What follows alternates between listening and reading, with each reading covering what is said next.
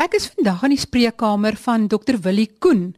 Hy het die eerste Berlyn hart, dit is die kunshart in Suid-Afrika in 'n pasiënt ingeplant. En ek gesels vandag met hom oor meganiese harte en hoe dit alles gevorder het deur die jare en waar ons vandag staan. Dr Koen, vertel ons 'n bietjie van die eerste kunshart. Marie, baie dankie. Ja, jy weet, meganiese harte begin al van die 1950s af. In 1950 het hulle besef iets moet gedoen word aan 'n hart wat te swak is. Alles was mos die industriële tyd, alles het met meganiese masjiene gewerk en toe het hulle gesê, "Maar kom ons kyk, miskien kan ons 'n meganiese hart maak." Vier eenhede in die wêreld het begine wegspring om meganiese harte te maak. Die een was in Salt Lake City in Amerika, die ander een is in Berlyn in Duitsland. In Texas het hulle ook dit gedoen en in Oostenryk het hulle in Wene het hulle begine om dit na te vors. Dit was 'n baie opwindende veld wat hulle toe nou begine mee. En toe kom hulle agter maar hulle mag geen vordering nie. En dis toe wat die biologiese mense begin werk het. Professor Chris Barnard hulle en uh Shamway in Amerika. En hulle het begin sê maar weet jy wat kan ons nie dalk hart eerder oorplant as wat jy 'n meganiese hart insit nie? Want die meganiese hart is so groot gewees soos 'n kamer. Jy kan onmoontlik daai ding in 'n mens se liggaam implant en dit sou mos nou baie beter wees as jy eintlik 'n mens se eie hart kan implant En die meganiese ouens het gesê ag nee man, dit sal nooit werk nie, die hart gaan verwerp en daar was so naderhand 'n klein kompetisie begin raak tussen die meganiese mense en die biologiese mense. En jy sal nie glo nie daai kompetisie is tot vandag toe nog 'n bietjie aan die gang. En toe het natuurlik die eerste hart oorgeplant het en toe sê die hele wêreld kyk dit is die manier om te gaan en die meganiese harte het totaal tot 'n einde gekom niemand het meer navorsing begin doen nie. Jy weet hulle wou selfs klein kernreaktors gemaak het wat jy kan inplant in 'n mens se liggaam om as 'n batterytjie te kan werk vir 'n meganiese hart. Sover het dit gegaan in 1960s dat hulle selfs gedink het om 'n klein kernreaktortjie te maak wat in 'n mens se liggaam ingeplant moet word. En toe die hartoorplantings begin het, toe steel dit nou die hele voorfront en dit is toe hoe dit toe gebeur het. En toe het hulle hierso so in die 1980s het hulle gesê maar hoor, die harte doen glad nie goed nie van verwerping en dit het weer die meganiese mense uh, gestimuleer om weer vreeslik te begin met meganiese harte. En hulle toe so in die 1980s het hulle die eerste meganiese hart begin implant en uh, dit het nie baie lank gehou nie dit het 'n paar maande gehou maar dit daarom iemand aan die lewe gehou. En toe kom daar 'n groot deurbraak met antiverwerpingsmedikasie in 1980 en toe hulle daai deurbraak maak toe trek dit net los en almal begin uh, harte oorplant en toe die arme meganiese ouens weer heeltemal na die agtergrond toe geskuif. Maar hulle het nie opgehou nie. Hulle het aangehou werk en aangehou werk hier in die agtergrond. En onlangs word hierdie hart nou so groot, hy's bietjie groter as 'n golfbal wat jy in kan plant in die pasiënt se liggaam. Die enigste neeweffek is dat daai hart het nog 'n klein draadjie wat by sy liggaam uitkom en dit moet aan twee batterye gekoppel word. So van 'n masjien wat so groot was soos 'n kamer kleiner geword wat geword soos 'n lessenaar en op die ou einde is hy nou so groot soos 'n golfbal kan jy sien daar's baie groot vordering gemaak. Nou wat veroorsaak dat hierdie navorsing aangaan en dit is twee groot goed. Die eerste ding is daar is net nie genoeg organe nie. Ons krap nie eens aan die oppervlak van wat ons kan doen met harte nie. Ons byvoorbeeld in Suid-Afrika, ons kan 5000 mense kan ons help per jaar met 'n hart. Uh daar is omtrent 5000 potensiële ontvangers maar ons doen minder as 50 harte in 'n jaar. So en dit sluit die kinders in. So ons behandel nie eers 1% van wat ons kan nie. Met kindsharte weer is die probleem is dit is baie duur, is baie duur tegnologie. Maar jy kan meer mense nou behandel. En wat nou gebeur het in die ou dae, het hulle miskien een kindshart ingeplant vir elke 10 biologiese harte, maar nou deesdae plant hulle twee kunsharte in vir elke biologiese hart. So daar word nou twee keer soveel meganiese harte in die wêreld oorgeplant as biologiese harte. Maar in Suid-Afrika is ons nog nie daar nie. Ons plant omtrent miskien 'n kwart van ons pasiënte word meganiese harte ingeplant en 3 kwart biologiese harte. Maar ons kan sien dit gaan ook groei met ter tyd. Nou, wat gebeur nou vorentoe? Onthou net 'n meganiese hart kan nie verwerp nie. Hy kan 10 jaar lank hou. Hy kan nie roes nie want hy word van titanium gemaak en hy kan aanhou en aanhou en aanhou, maar na 10 jaar begin hy ook sukkel. In 'n biologiese hart kan darm langer hou as dit, maar hulle begin nou al met mekaar te wedywer om te wys wie gaan nou langer hou. Aan die een kant sit ons met kostes van 'n meganiese hart. Hy kos hier so by 1.5 miljoen rand, na selfs 2 miljoen rand toe kan so prosedure gaan. 'n Hartoortplanting is omtrent so 500 000 rand na omtrent 600 000 rand wat dit die kostes betrokke met so prosedure. Maar as jy weer die antiverwerpingsmedikasie vat wat tussen 10 en 15 000 rand 'n maand kos en jy kyk na 5 jaar, dan is 'n kos die twee prosedures maar eweveel. So nou kom plant ons nie vir almal dan net meganiese harte in nie. Bloot omdat die batterye wat hulle moet dra moet nog steeds elke 6 ure gelaai word en hulle moet hierdie batterye dra op hulle heup. Hulle het so 'n klein beld wat hulle dra en hulle die twee batterye wat hulle saam met hulle dra en dan hulle twee spaarbatterye wat hulle kan laai terwyl hulle nou rondstap met hierdie. Maar ons weet ook van selfone. Hoe selfone se batterye verbeter het. Hoe groot was die eerste ou Nokia foon 'n paar jaar gelede en hoe klein is die foontjies deesdae? So ons weet ook die batterye word kleiner en kleiner en kleiner.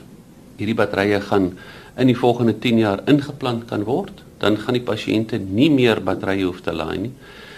Die tweede ding is iets wat nou deesdae in die wêreld gebeur. Hulle noem dit die Engelse term daarvoor is witricity. Dit is soos Wi-Fi, maar in plaas dat jy nou opvangs het van internet, word jou selfoon gelaai. Met ander woorde, jy gaan een van die dae in 'n koffiewinkel inloop en skielik begin jou selfoon laai of in 'n winkelsentrum of op die lughawe, net soos wat jy kan nou aan jou Wi-Fi kan koppel, kan jy nou ingaan en jy gaan na die lughawe toe en jy druk op jou Bluetooth en daarso begin jou foon te laai en hy vra jou dan 'n uh, klein bedragie van wat dit gaan kos om my battery te laai.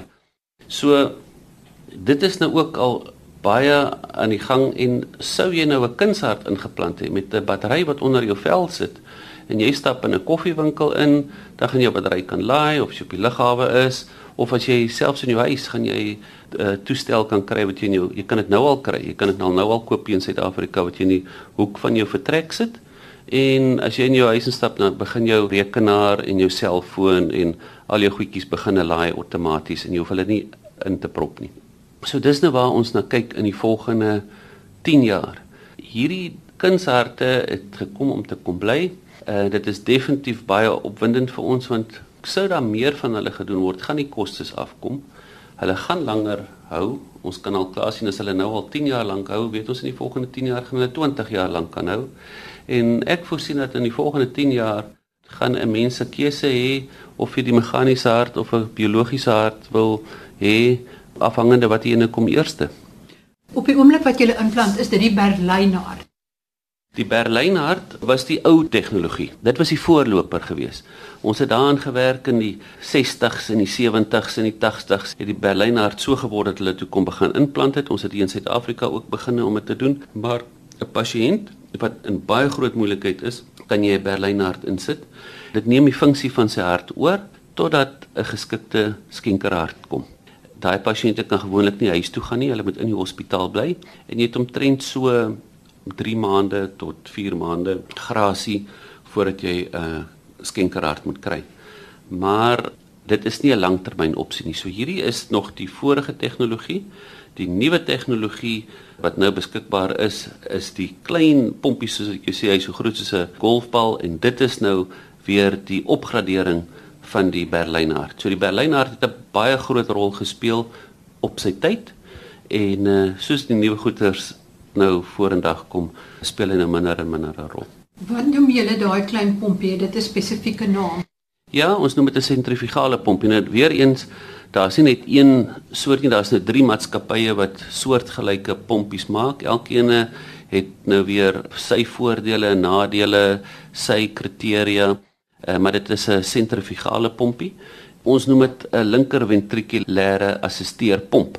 Nou, hoe die tegnologie is enige iets wat die hart ondersteun wat die linker ventrikel help, noem ons 'n linker ventrikulêre assisteer pomp.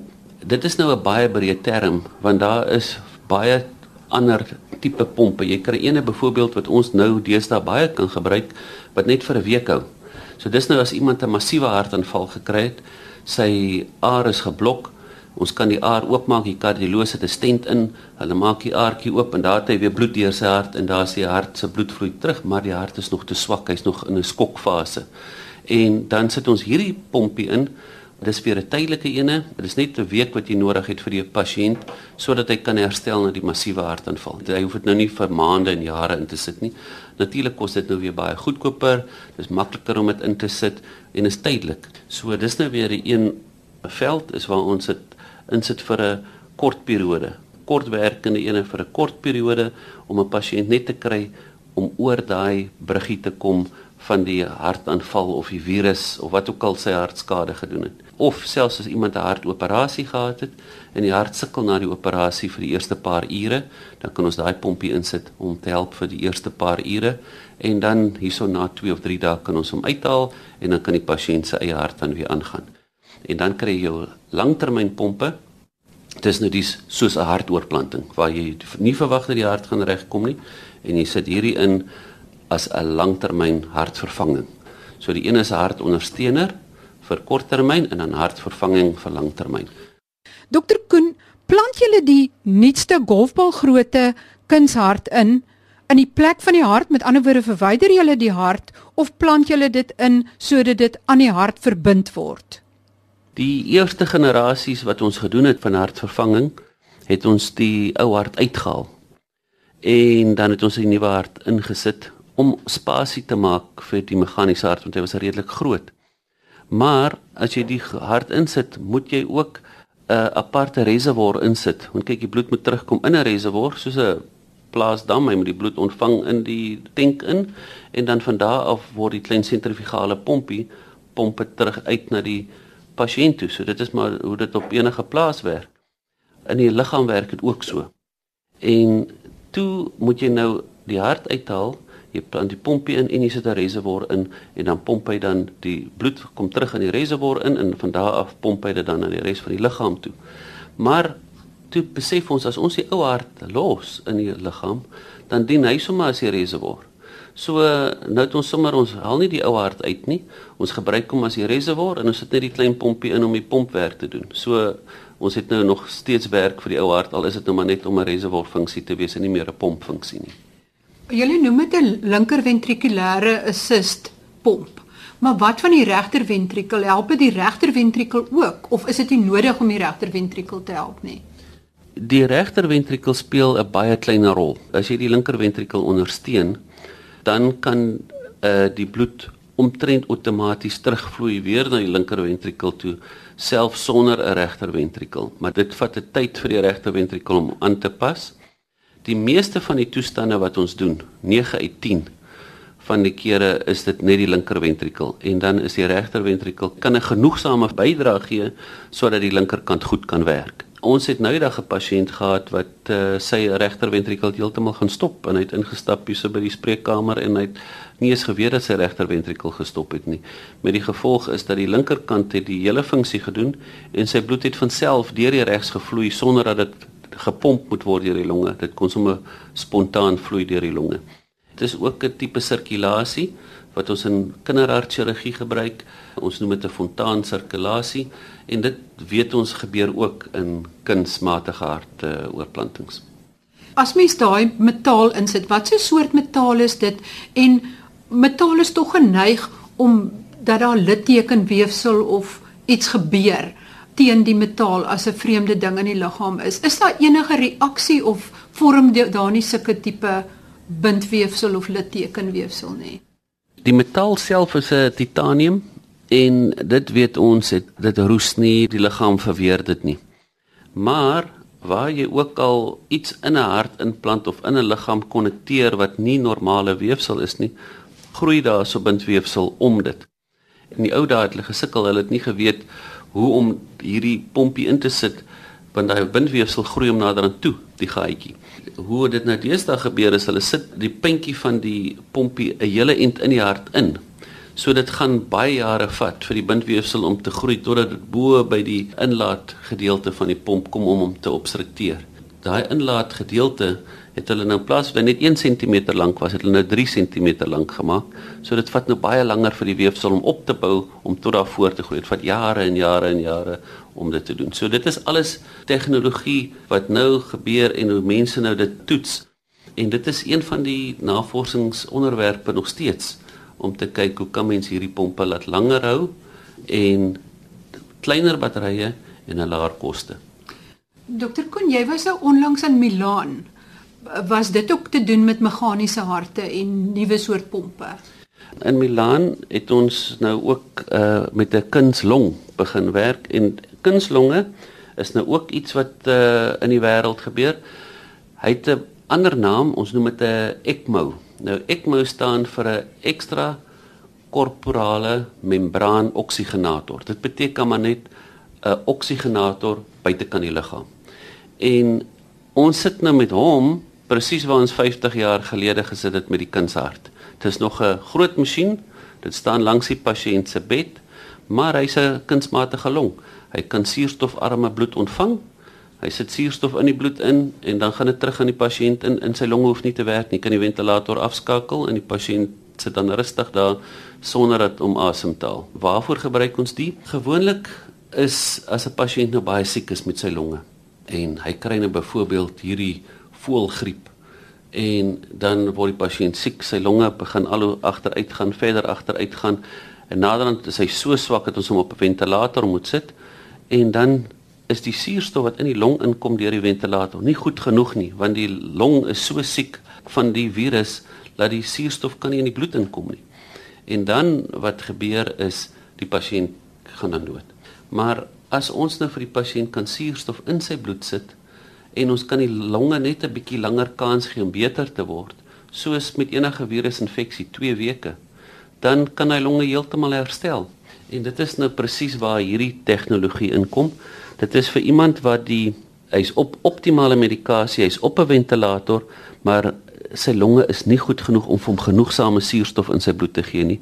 Dan sit ons hierdie kunsmatige long of ons noem dit ECMO op vir die pasiënt en dit hou hom heeltemal aan die gang vir 2 weke en in daai 2 weke kan die longe dan herstel. En dit kan gebruik word byvoorbeeld vir ernstige infeksies soos hierdie ehm um, voëlgriep of varkgriep. Dit word natuurlik baie uh, gebruik oor see toe hulle daai uitbraak gehad het van voëlgriep 'n paar jaar gelede. Dan natuurlik vir ander toestande wat longtoestande wat mense kry dit is maar waar ons dit nou gebruik. En dit is wat ons gaan leer het en ons het nou al klaar 4 pasiënte daarmee kon help uh, in die laaste paar maande. En dit was wonderlik om te sien hoe so pasiënt sy longe kon dit net nie doen nie. En jy sit dan hierdie pomp aan en skielik word hy bloed helder rooi en jy kan sien die pasiënt se kleur word weer beter en dan kon die longe herstel met ter tyd. Die ECMO ondersteun ook die hart so bietjie. Jou hart pomp ons maar bloed na die longe toe.